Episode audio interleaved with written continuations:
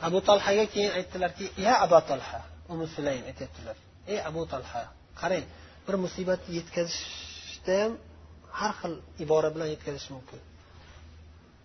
Bolangiz o'lib qoldi. Desa ikkita gap ikkita kalima xolos bo'ldi ish bitdi.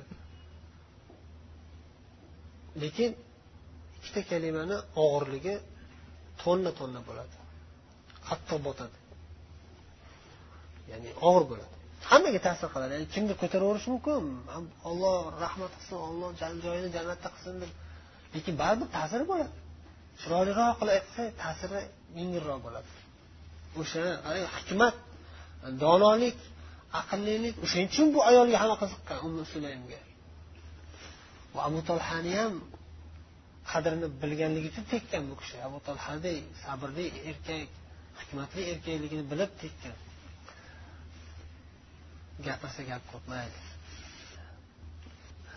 أرأيت لو أن قوما أعاروا عاريتهم أهل بيت فطلبوا عاريتهم ألهم أن يمنعوهم qarang bir narsani tushuntirishni chiroyli uslubda manga aytingchi xo'jayinim deyaptilarda xuddi bir qavm boshqa bir ahli qavmga ya'ni bir odamlar bir ahli baytga bir uy ahliga ariya bir narsani qarzga berib turishga oriya deyiladi. Ariya. Aru ariyatahum ahli bayt. Ya'ni qarzga beradigan bir narsalarni qarzga berishdi bir ahli baytga. Nima bo'lsa ham qozon masalan yoki gaz. Masalan yoki dazmol. Dazmollarni berib turinglar shunday kiyim biz dazmolimiz kuyib qolibdi dazmollab olaylik nima bo'lsa ham qo'ni qo'shnilarga bir narsa berib turish borku oldi berdi qarzga bir ahli baytga bir qarzga qarzga ishlatib turishga bu narsalarni qarzdan emas qarzdan boshqacharoq oriya ishlatib turishga beriladigan narsa. Shuni berishsa keyin shu bergan o'zlarini narsalarini qaytib berishlikni talab qilishsa dazmolimizni olib turuvdinglar shu dazmolni ishlatib bo'lgan bo'lsanglar qaytarib beringlar deb qo'shnisi qo'shnisidan so'radi qaytarib berish. Shuni qaytib beringlar deb so'rasa yo'q bo'ldi endi bu dazmolni bermaymiz sizlarga. Bizniki bo'lib qoldi endi.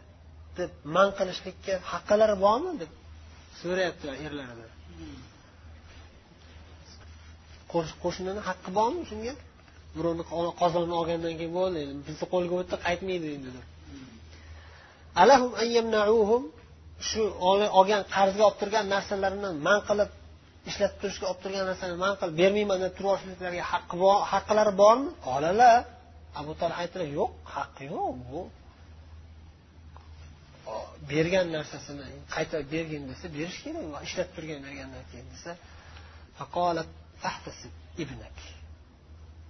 Endi o'g'lingizni allohga topshirib savobini ollohdan kuting. dedilar ehtasib degani bir narsani savobini kutish. Allohga topshirib ollohdan kuting savobini dedilar.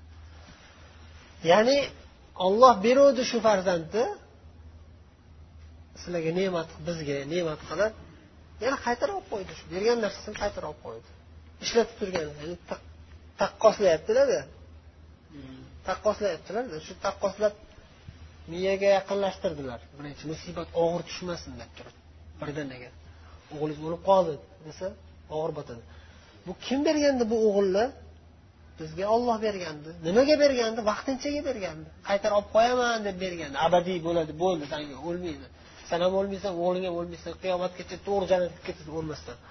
Shuna ko'prik dunyodan shuna jannatga ko'prik qurib beriladi. To'g'ri kirib ketaverasizlar jannatga o'lmaysizlar. Degan kafolat kimga bor? Hech kimga yo'q. Hamma o'ladi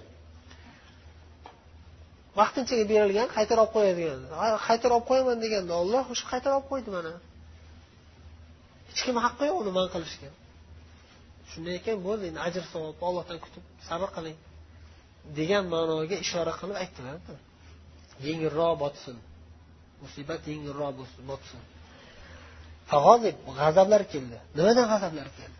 O'g'illari o'lib qolganidan g'azab keldimi? Yo'q. G'azablari kelgani nimadan? قال ثم قال تركتيني حتى إذا تلطخت ثم أخبرتيني بابني ya'ni meni shu haligi shahvatimni qondirib belang taloqqa degan bir narsaga belanishga aytiladi shu qiladigan ishimni qilib bo'lganimdan keyin belanib bo'lganimdan keyin aytdingmi o'g'lim o'lib qolganini deb jahllari g'azablari keldi hatta ata rasululloh sollallohu alayhi vasallam Keyin rasululloh sollallohu alayhi vasallamni oldilariga kelib borib shu g'azablari kelgandan shikoyat qilgan bordilar. Intalaqa yo'lga chiqdi. Borib keyin bo'lgan voqeani xabarini berdilar. Faqol rasululloh sollallohu alayhi vasallam barakallohu fi laylatikuma sizlarni shu kechanglarga alloh o'zini barakasini bersin yog'dirsin dedilar. keyin rasululloh sollallohu alayhi vasallam duolarini barakati bilan homil bo'ldilar umi sulaym o'sha kechadagi yaqinlikdan keyin وكان رسول الله صلى الله عليه وسلم في السفر وهي معه keyin rasululloh sollallohu alayhi vasallam safarga chiqqanlarida oradan bir necha oylar o'tib va bu ayoli ham rasululloh bilan birga chiqdilar umi sulaym erlari bilan birga rasululloh bilan birga hammalari safarda ketishayotgandi وكان رسول الله صلى الله عليه وسلم إذا أتى المدينة من سفر لا يطرقها طروقا rasululloh sollallohu alayhi vasallam safardan qaytib kelishlarida madinaga kelsalar kechasi bostirib kirmasdilar nimaga desa hikmatlari bor endi buni bir qancha hikmatlari bor kechasi odamlar uyda mm, sal noqulay holatlarda kelib qolishi mumkin hikmatlardan biri Undan tashqari kelayotganliklarini madinaga yaqin kelib to'xtadilarda kirmasdilar madinaga. Madinaga bir necha kilometr qolganda to'xtab bo'ldi shu yerda to'xtab shu yerda dam olamiz ertaga ertalab kiramiz deb to'xtatib qo'yardilar. Hammani rasululloh sollallohu alayhi vasallam safardan qaytishlarda endi o'sha paytdagi holat bu. Hozir endi o'ziga xos holatlar bor. Lekin hozir ham shuni tadbiq qilsa bo'ladi ma'lum bir darajada. Xullas bu sunnat kechasi kirmasdilar bostirib. Yaqin kelib to'xtardilar dam olardilar ertasiga tong ottirgandan keyin kirardilar. Madinaga yaqin kelishdi. Rasululloh sollallohu alayhi vasallam safarlardan qaytib kelayotib sahobalar bilan birga va bu sahobalarni ichida abu tolha va ayollari umu sulaym bo'lishgan birga. Va mana shunda mahob urdi. Deyapti. Ya'ni urdi degani bu yerda nima? Ayol kishi tug'adigan holat yaqinlashganiga aytiladi. Yaqin qolganda og'riq qattiqlashdi. Og'riq qattiqlashdi. Umi sulaym og'riqlari qattiqlashdi. Abu tolha abu tolha umi sulaymni oldilarida ushlanib qoldilar. Shu shu sababli. Ya'ni ayollari safarda yuribdi homil homila holatda jihodda yurishibdi. Allohu alam o'sha jihod safarlaridan biri. Chunki rasululloh sollallohu alayhi vasallam asosan jihodga safarga chiqardilar jihod qilish uchun safar qilardilar. Tijorat uchun emas yoki boshqa narsa uchun emas. Faqat asosiy safarlar hammasi deyarli jihod uchun keyin oxirida umraga umraga borishgan ikki marta keyin hajga borganlar. Qolgan aksariyat safarlari deyarli hammasi jihod uchun bo'lgan. Demak umu sulaym ham rasululloh sollallohu alayhi vasallam bilan birga erlari bilan birga jihodda jihodda musulmonlarga yaradorlarga yordam bergan birga chiqardilar. Yaradorlarga davolash uchun yordam bergan birga chiqardilar. Rasululloh sollallohu alayhi vasallam. Abu tolha ayollari o'sha ko'z yorishi yaqinlashganligi uchun majbur to'xtashdi. Rasululloh sollallohu alayhi vasallam safarlarini madinaga qaytishlarini davom ettirdilar.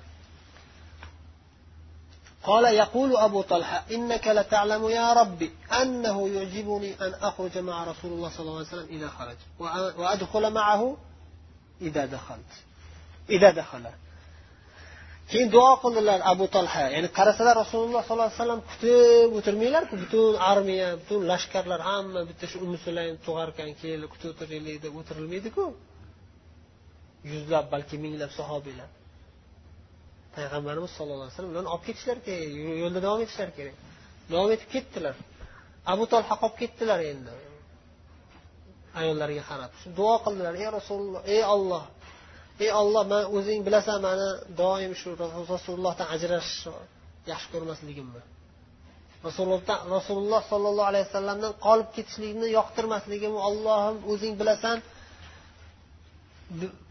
An axruja ma rasululloh sollallohu alayhi vasallam ida xaraj qayerga chiqsalar safarga shu safarda birga chiqishni yaxshi ko'rishimni va adxula ma'ahu ida daxal qachon madinaga qaytib kirsalar birga kirishishligimni yaxshi ko'rishligimni birga kirishni yaxshi ko'rishligimni bilasan ey parvardigorim o'zing ko'rib turgan narsa bilan men bu yerda ushlanib qoldim ey olloh o'zing ko'rib turibsan man nima sababdan bu yerda qolib ketdim rasululloh sollallohu alayhi vasallam orqalarida deb duo qiluvdilar bir mahal og'riq to'xtab qoldi tug'adigan ayol tug'ishi kerak to'qqiz oy to'lgan duo qilsalar to'xtab qoldi تقول أم سليم أم سليم aytyaptilar يا أبا طلحة ما أجد الذي كنت أجد انطلق ya'ni og'riq sezmay qoldim Og'riq bo'layotgan og'riq to'xtab qoldi. Intoliq yuring yo'lda davom etdik rasulullohdan qolib ketmaylik ya'ni. Yana yo'lga chiqib yo'lda davom etdik. Ya'ni kim aytyapti? Pantalaqna deb anas aytyaptilar. Anas ham birga bo'lganlar onalariga yordam berib turishlar uchun keyin madinaga yetib kelishlari bilan yana ko'z yorishlik uchun yana o'sha qorinlari og'rib o'sha og'riq qattiqlashdi. Madinaga o'sha yetib kelib bo'lishgandan keyin o'g'il farzand ko'rishdi. Ya'ni oradan bir kun o'tib bo'lishi mumkinda ya'ni bu yerda qisqartirib aytilyapti. Oradan bir kun ikki kun o'tib madinada tug'dilar. Keyin onam aytdilar ya anas la yurdi'uhu ahadun. Hech kim emizib yotmasin. Hozir onasi emizolmaydi bu bu chaqaloq och qolib ketmasin. Biz emizib turaylik deb qaysidir bir ayol emizib qo'yishi mumkin deb qo'rqdilarda la ahad hech kim emizmasin dedilar nima uchun? Bihi ala rasululloh sollallohu alayhi vasallam. Toki rasululloh sollallohu alayhi vasallam oldilariga olib narsa. birinchi boshlab rasulullohni oldilariga olib boringlar tong ottirdi kechasi tug'dilarda ya'ni ertalab tong ottirganlaridan keyin ko'tardim bu chaqaloqni rasululloh sollallohu alayhi vasallam. Rasululloh sollallohu alayhi vasallam oldilariga olib ketdim.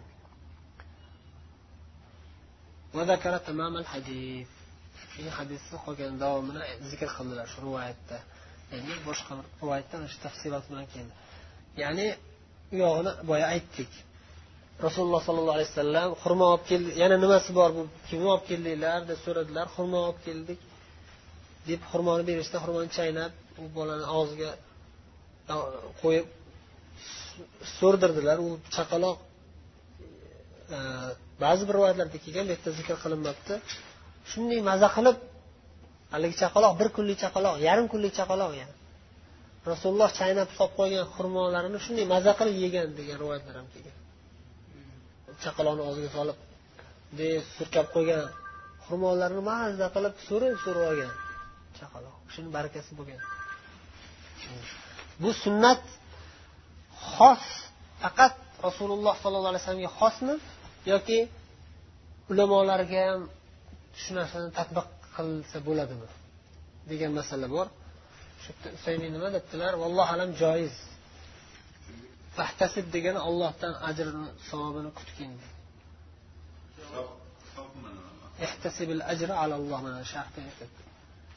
Ajrni ollohdan kutgin degan. Mana bu yerda aytyaptilarki e, xos nabiy sallallohu alayhi vasallam bo'lgan jihati ham bor. Ya'ni rasululloh sollallohu alayhi vasallamni so'laklarini o'ziga xos barakoti bor. Bu bir jihat bu birinchi foyda. Ikkinchisi xurmoni o'zini xususiyati ham e, ahamiyatga ega deyaptilar ya'ni xurmoni shuni chaynab berishlik bu xos emas. Payg'ambarimizga xos emas. Xurmoni chaynab berishlik chaqaloq yangi tug'ilganda hamma qilishi mumkin buni. Faqatgina payg'ambarimiz emas sollallohu alayhi vasallam. Chunki xurmoni foydasi e, vitaminlari juda ko'p. bu yerda shu ya'ni batafsil aytmabdilar qisqacha shunday aytib o'tib ketibdilar ya'ni. Payg'ambarimizga xos jihati bor bir jihati o'sha barakalari baraka talab qilish payg'ambarimizdan talab qilish bor boshqalardan emas. Ya'ni chaqaloq tug'ilsa bu muhibbudilak aytganda yana birovlarga olib borib yotmanglar. O'zinglar qilinglar. Chaqaloq tug'ilsa o'zi ba'zi ahli ilmlar aytishgan lekin allohu alam bilmadim man bu bu yerda ibn saymin va ibn boz ham shuni aytganlar ya'ni bu faqat payg'ambarimizga xos. Ya'ni ulamolarga olib borsangiz demak o'sha ulamoni o'zini xususiyati bor. Shu jihatda mendan ko'ra yaxshi allohga yaqinroq shuni barakasi ko'proq degan nuqta xato bo'lib qoladi bu yerda siz o'zingiz qilganingiz yaxshi. O'sha xurmoni foydasi bu ikkinchi masala. Ikkita masala bor birinchisi baraka talab qilib avliyolarga olib borish allohga yaqinroq odamlarga olib borish masalasi joizmi joiz emasmi? Bidatmi bidat emasmi?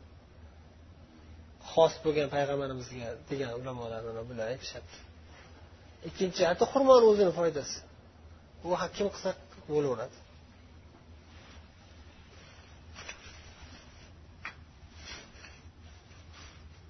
هذا خاص بالنبي عليه الصلاة والسلام ديرتلا الفائدة الثانية من التمر الذي كان الرسول صلى الله عليه وسلم يحنكه الصبيان أن التمر فيه خير وبركة وفيه فائدة للمعدة. خرمون فائدة endi yana bitta masalaga taqaladi bu duo qilish duo qilish ham bunda ixtilof yo'q. Joizligida afzalligida emas. Ko'pchilik aralashtirib yuboradi shuni ham. Ya'ni birovdan duo talab qilish joiz. Duo qilib qo'ying shu chaqalog'imga deb chaqaloqni olib kelib ahli ilmlarga ahli taqvo ahli solih ahli saloh odamlarga olib kelib duo talab qilsangiz joiz hech kim sizni deyolmaydi baraka talab qilish emas. Bir qancha nuqtasi borda bu yerda. Hozir xurmoni chaynab bering sizni barakangizdan yuqsin desa aytamizki bu bidat bu payg'ambarimizga xos bu. Abu bakr umarlar bunday qilishmadi nimaga? Chunki payg'ambarimizga xosligini bilishdi. Ya'ni qilishganmi yo'qmi uni bilish kerak birinchi o'rinda. Lekin rivoyat bilmayman qilganliklar. Qilmagan bo'lsalar kerak balki. Agar qilgan bo'lganlarida mashhur bo'lardi. Abu bakrga olib borishardi degan rivoyatni eshitmaganman. Balki bordir qidirib ko'rish kerak lekin man o'ylashimcha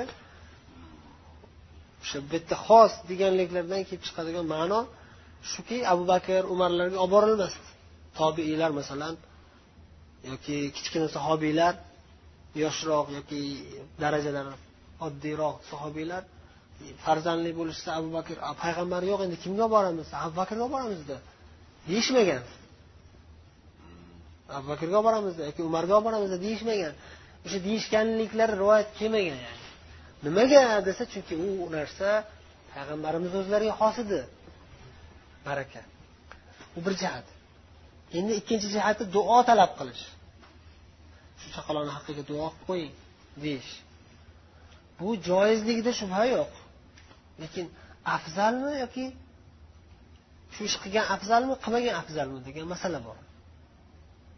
Qilmagan afzal deymiz. Vallohu alam. Nimaga desa chunki birinchi o'rinda siz o'zingiz ollohdan talab qilishingiz kerak. Birinchi o'rinda siz ollohga yaqin bo'lishingiz kerak. Birovlardan talab qildingiz degani demak o'sha odamga ehtiyojingizni izhor qildingiz degani.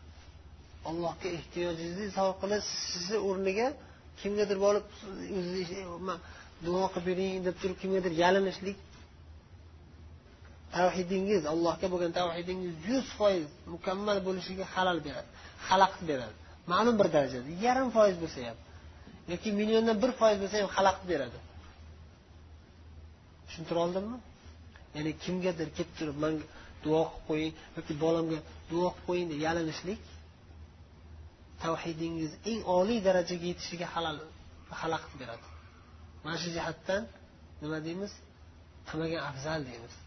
Qilish harom yoki qilish makruh deb qat'iy aytolmaymiz. Qilmagan afzal deymiz. Duo talab qilish bor. Duo talab qilganda siz borib turib u odamga shirk u odam allohga shirk keltirmayapsiz u odam ham allohga iltijo qilib duo qiladi. Uni o'shani bilib turib o'shani talab qilib boryapsiz. Lekin kimdir aytishi mumkinki boshqadan duo talab qilishga dalil borku deb. Misol uchun dalillardan joizligiga bu aniq dalil lekin afzalligiga dalil bo'ladimi yo'qmi bu masala boshqa masala. Joizligiga dalillardan umar roziyallohu anhuga payg'ambarimiz sollallohu alayhi vasallam aytganlarki uvaysil qaraniy degan odam keladi yamandan duosi maqbul bo'ladigan odam. Shuni duosini olgin deganlar. Uvaysil qarani kelganlar keyinchalik umar xalifalik davrlarida keyin sen uvaysil qaraniymisan surishtirib topganlar uvaysni ba'zi bir sifatlari bor uni tafsilot hozir aytib o'tirmaymiz o'sha sifatlarini so'raganlar ha shuni o'shandan keyin aytganlarki menga gunoh istig'for aytgin bo'lsa. Umar kimga aytyaptilar? Uvaysga tobiiyga aytyaptilar. Menga istig'for aytgin ya'ni meni gunohlarimni olloh kechirishini duo qilgin. Duo talab qilyaptilar. Va uvays hatto ah, hayron bo'lib qolganlar. Men sizga istig'for aytib duo qilamanmi rasululloh aytganlar. Yig'laganlar uvaysga istig'for aytib keyin qochib ketganlar. Odamlardan ya'ni. Umardan emas odamlarni bekinib olganlar. Qayerga ketganlar hech kim bilmaydi u kishini. Bu ham tavhidlar kuchliligidan ya'ni ixloslar kuchliligidan. Man niyatimga zarar qiladi odamlar bu avliyo ekan ko'taradi deydida man iymonimizga zarar qiladi bekinib olganlar uvays qayerga ketganlar qayerda o'lganlar hech kim bilmaydi. Iymonlari tavhidlar kuchliligidan. Mana shu rivoyat shunga o'xshagan ba'zi bir rivoyatlar masalan abbosga to'rt abbos istisqo duo qilgin yomg'ir so'rab duo qilgin deganlar umar bu ham sahih rivoyat. E, bu yerda o'zlariga so'ramayaptilar xalqqa odamlarga so'rayaptilar. Bunda ixtilof yo'q buni afzal ham afzal deb ham aytishimiz mumkin. Mana shu narsalar joizligiga uvaysdan duo talab qilganliklari joizligiga dalolat qiladi sahih hadis bu ham. Lekin afzalmi afzal emasmi shu afzalligiga dalolat qila oladimi degan masalada ulamolar aytishganki yo'q afzalligiga dalolat qilmaydi bu xos. Istisnoiy holat umarga xos bo'lgan umarga xos bir fazilat bo'lgan payg'ambarimiz alohida umarga xos aytganlar va uvaysni duosi qabul bo'lishini aniq bilganliklari uchun uvaysga ham xos shu jihat boshqadan so'ralmagan. Ya'ni uvaysdan boshqa hech kimga borib turib umar aytmaganlar manga duo qilgin deb. Ha? Umar hech qaysi bir boshqa sahobiyga borib yoki boshqa bir tobiyga borib meni haqqimga duo qiling demaganlar. U boshqalar ham duo qiling deb aytishmagan. O'zlari duo qilishadi. Nimaga? Chunki bu birovga borib yalinishga kirib qoladi. Xuddi istirqo masalasiga ruqya talab qilish ruqya talab qilish masalasida hamma bir bil ittifoq kelishishadi. Afzal emas bu. Aniq. Bu sahih hadisda kelgan imom muslimda kelgan birovdan ruqya talab qilish o'ziga o'ziga. Boshqalarga emas. Boshqalarga qilishlik u afzal. Ya'ni masalan ismingiz nima sizni zakariyo kasal bo'lib qolsalar men kelib turib shu zakariyoga ruqiya o'qib qo'ying aslidan dam solib qo'ying desam bu afzal man qilishim kerak bu narsa yaxshi afzal ish. Lekin zakariyo o'zi borib turib asliddin aka manga dam solib qo'ying deyishligi makruh. Makruh. Ya'ni harom emas yaxshi afzal emas. Tavhidga noqislik kiritadi. Duo qil talab qilish ham shunga o'xshab ketadi deyishadi ulamolar. Endi shu masalada sal ixtilof bor. Eng afzalini qilaman desangiz o'zingiz qiling. Yoki umumiy duo talab qiling. O'zizga emas musulmonlarni haqqiga duo talab qiling. Bu ham afzalga kiradi. Bu ham joiz. Ya'ni musulmonlar haqqiga duo qilinglar birodarlar. Islom ummatini ahvoli yaxshilansin duo qilinglar. Deyish bu yoki musulmon birodaringizni haqqiga mana shu kishini haqqiga ham duo qiling deyishligingiz bu joiz. Afzal hatto. Lekin o'zizga talab qilish meni haqqimga duo qilib qo'ying deyishingiz bu tavhidni mukammalligiga xalaqit beradi. Joiz bo'lsa ham lekin mukammalligiga xalaqit beradi. Qaysi tomoni? E, o'zizni ehtiyojingizni izhor qilyapsiz. Siz o'zizni ehtiyojingizni ollohdan boshqa hech kimga aytmang. Allohdan boshqa hech kimga hatto birovdan narsa ham so'ramaslikka harakat qilishadi sahobiylar. Masalan shu suvni manga bering deb talab qilishim ham joiz bo'lsa ham afzal emas suvni manga bering deyish. Sahobiylar shu darajada bo'lishgan. Afzallikka yetishgan kamolatga yetishgan. Masalan qissalar sahih rivoyatlar keladiku. Tuyada turganlarida qo'llaridan qamchilar tushib ketib qolib yonlarida bitta birodarlar tika turibdi. Shuni olib bersa bo'ladi. U kishi tuyadan yoki otdan ovora bo'lib tushib yerga engashib olib chiqquncha ancha vaqt o'tadi ovora bo'ladi. Yonida turib shuni ovoring desa bo'ladi. Ovoring demasa ham ko'zi bilan shoshilib olib berishadi o'zlari. Ko'rmay qolgan bo'lsa agar ko'rgan bo'lsaku ular talab qilishini kutib turmasdan shoshilib olib berishadi o'zi. Lekin ko'rmay qolib yoki sal ko'zi boshqa boshqa qarab turgan holatda bu shunday holatda bo'lgan obir sahobiylar sifatlari kelganda aytishmasdi shuni. Obering deb aytishmasdi. Obir beraverasizmi deb aytishmasdi. Shu darajada mukammallikka yetishishgan. Bo'lsa joiz joiz joizligida shubha yo'q. Bu endi judayam oliy darajalar ya'ni mana shunga kiradi bu duo talab qilish ham shunga kiradi ya'ni o'zini ehtiyojini boshqa odamlarga izhor qilmaslikka harakat qilish o'zini ehtiyojini manga duo qil allohdan boshqa kimga aytyapti man allohga gapiraman degandek vallohu alam سبحانك اللهم وبحمدك نشهد ان لا اله الا انت نستغفرك ونتوب اليك